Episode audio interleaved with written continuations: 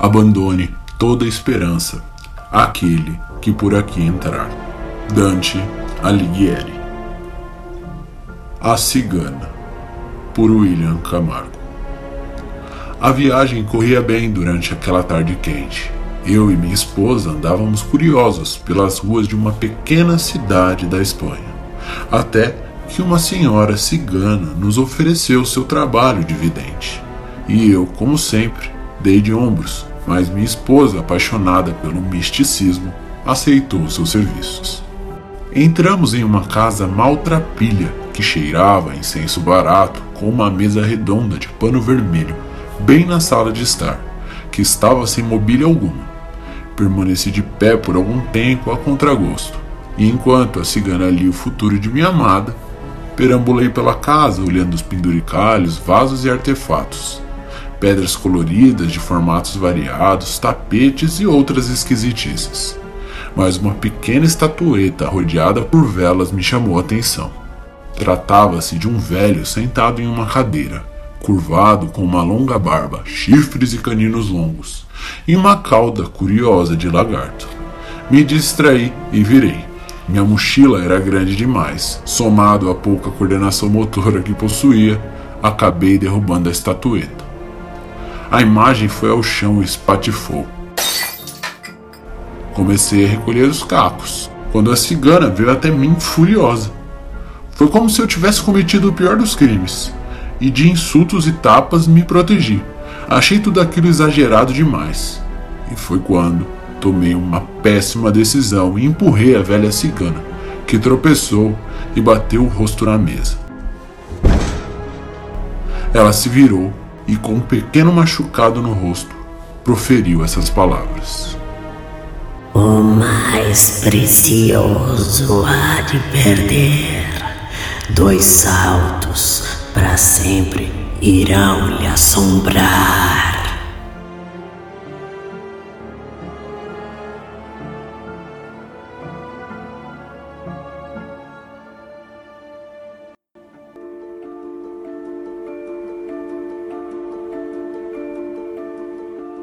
Peguei a mão de minha esposa e saí rápido de lá. Nós ficamos boquiabertos com a atitude da velha. Voltamos para o hotel e no dia seguinte voltaríamos para casa. Aquela era a última noite no hotel e foi um pouco esquisita. Sonhei com a imagem da estatueta estranha. Mas fizemos uma viagem de volta tranquila no dia seguinte. Chegamos em um sábado. Ainda podíamos descansar. Mas minha esposa reclamava de uma forte dor de cabeça que em poucas horas virou uma febre, o que nos levou até o hospital. Ela foi medicada e voltamos para casa. Estava exausta, a viagem, o hospital, tudo aquilo era bastante estressante. Mal tínhamos desfeito as malas. Tudo estava jogado no apartamento.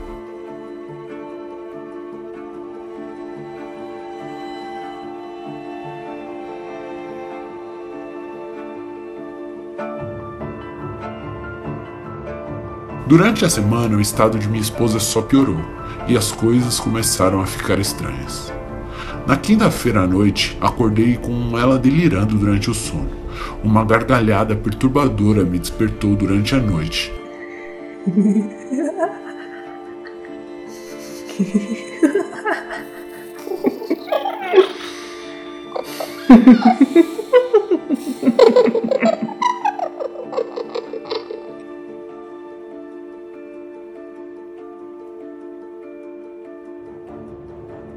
dia seguinte, uma cena ainda pior.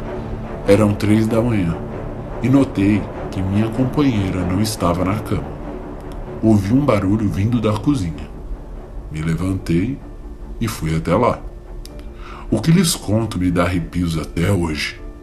Ela estava revirando o saco de lixo feito um animal sedento. Quando notou minha presença, se levantou e, ainda em estado de sonambulismo, voltou para o quarto. Fiquei boquiaberto. Mas o que me atormenta até hoje ocorreu no sábado. Acordei novamente por volta de três da manhã, com vento gelado soprando da janela aberta. Afinal, morávamos no décimo andar. Esfreguei os olhos e lá estava ela, com um vestido negro que não usava há anos, cabelo bem penteado, um batom escuro e salto alto. Lembro-me como se fosse hoje.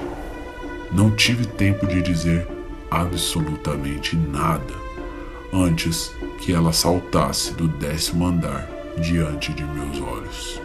Gritei desesperado. Desci os dez andares como se fossem dois, até encontrar seu corpo estirado na sarjeta, com o vestido negro banhado em sangue e apenas um salto alto calçado em seu pé.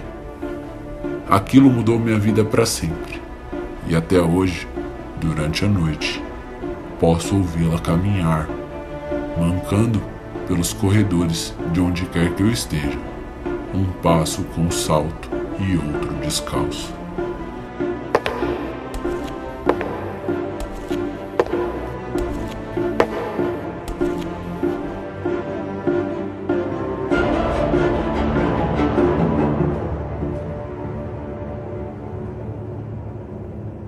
Hoje, arrependo-me de ter empurrado aquela cigana ou de ter quebrado a estatueta estranha, pois suas palavras tornaram-se reais. Dois saltos me assombram eternamente.